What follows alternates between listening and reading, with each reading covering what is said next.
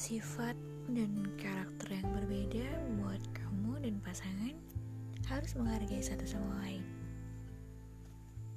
Pengalaman bisa mempengaruhi bagaimana cara seseorang bersikap dan memandang hidup. Beruntung bagi kamu yang memiliki masa kecil yang indah dan menyenangkan. Namun bagi sebagian orang, pengalaman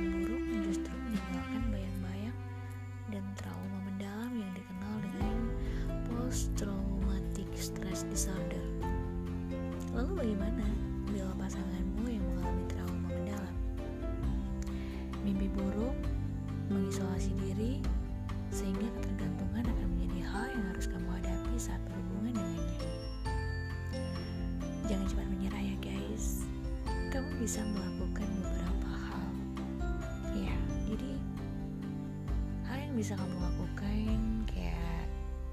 menyadari bahwa pasangan sadar ya bahwa proses itu nggak sebentar.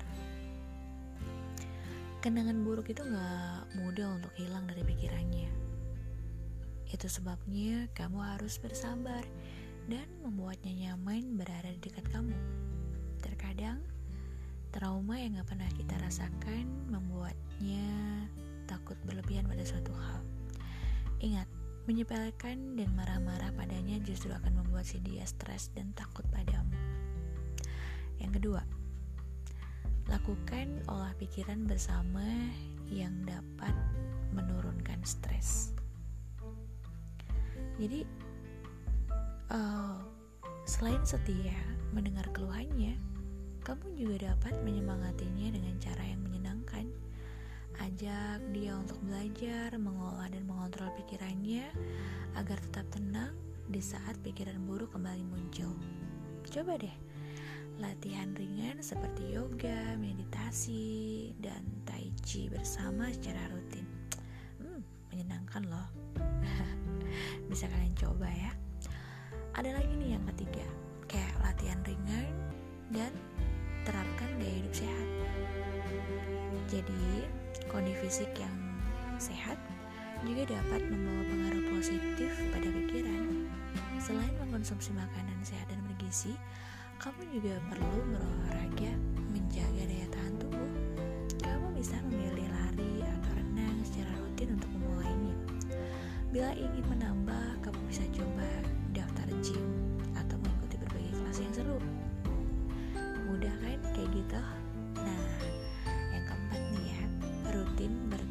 berkonsultasi pada profesional. Jadi um, pasangan yang trauma itu memang butuh beberapa terapi. Ya kayak misalnya ya di saat rasa takut dan trauma dan traumanya itu datang kembali, Gak ada salahnya kamu untuk mengajak berkonsultasi pada orang yang profesional. Ingat, kamu tetap membutuhkan orang lain yang lebih ahli dalam menangani kebutuhannya. Bila keadaan memburuk, nggak menutup kemungkinan si dia harus menjalani terapi. Percaya dan terus berikan semangat kepadanya dapat menjadi hal yang paling ia butuhkan dari kamu. Nah, gimana guys? Bisa dipahami kan? Nah, yang kelima nih, memelihara hewan dapat membantu pikiran lebih rileks.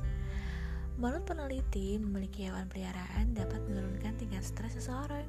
Kamu bisa mengadopsi mungkin anak kucing, atau mungkin ikan, atau apa pun. Bayangkan saja saat pulang dalam keadaan penuh pikiran dan langsung disambut dengan bulu halus dari si kucing.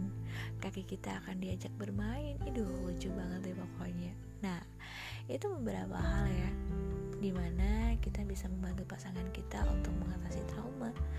Jadi memang harus ada kerjasama guys antara kita dengan pasangan kita. So itu adalah perjuangan cinta. Itu adalah bagian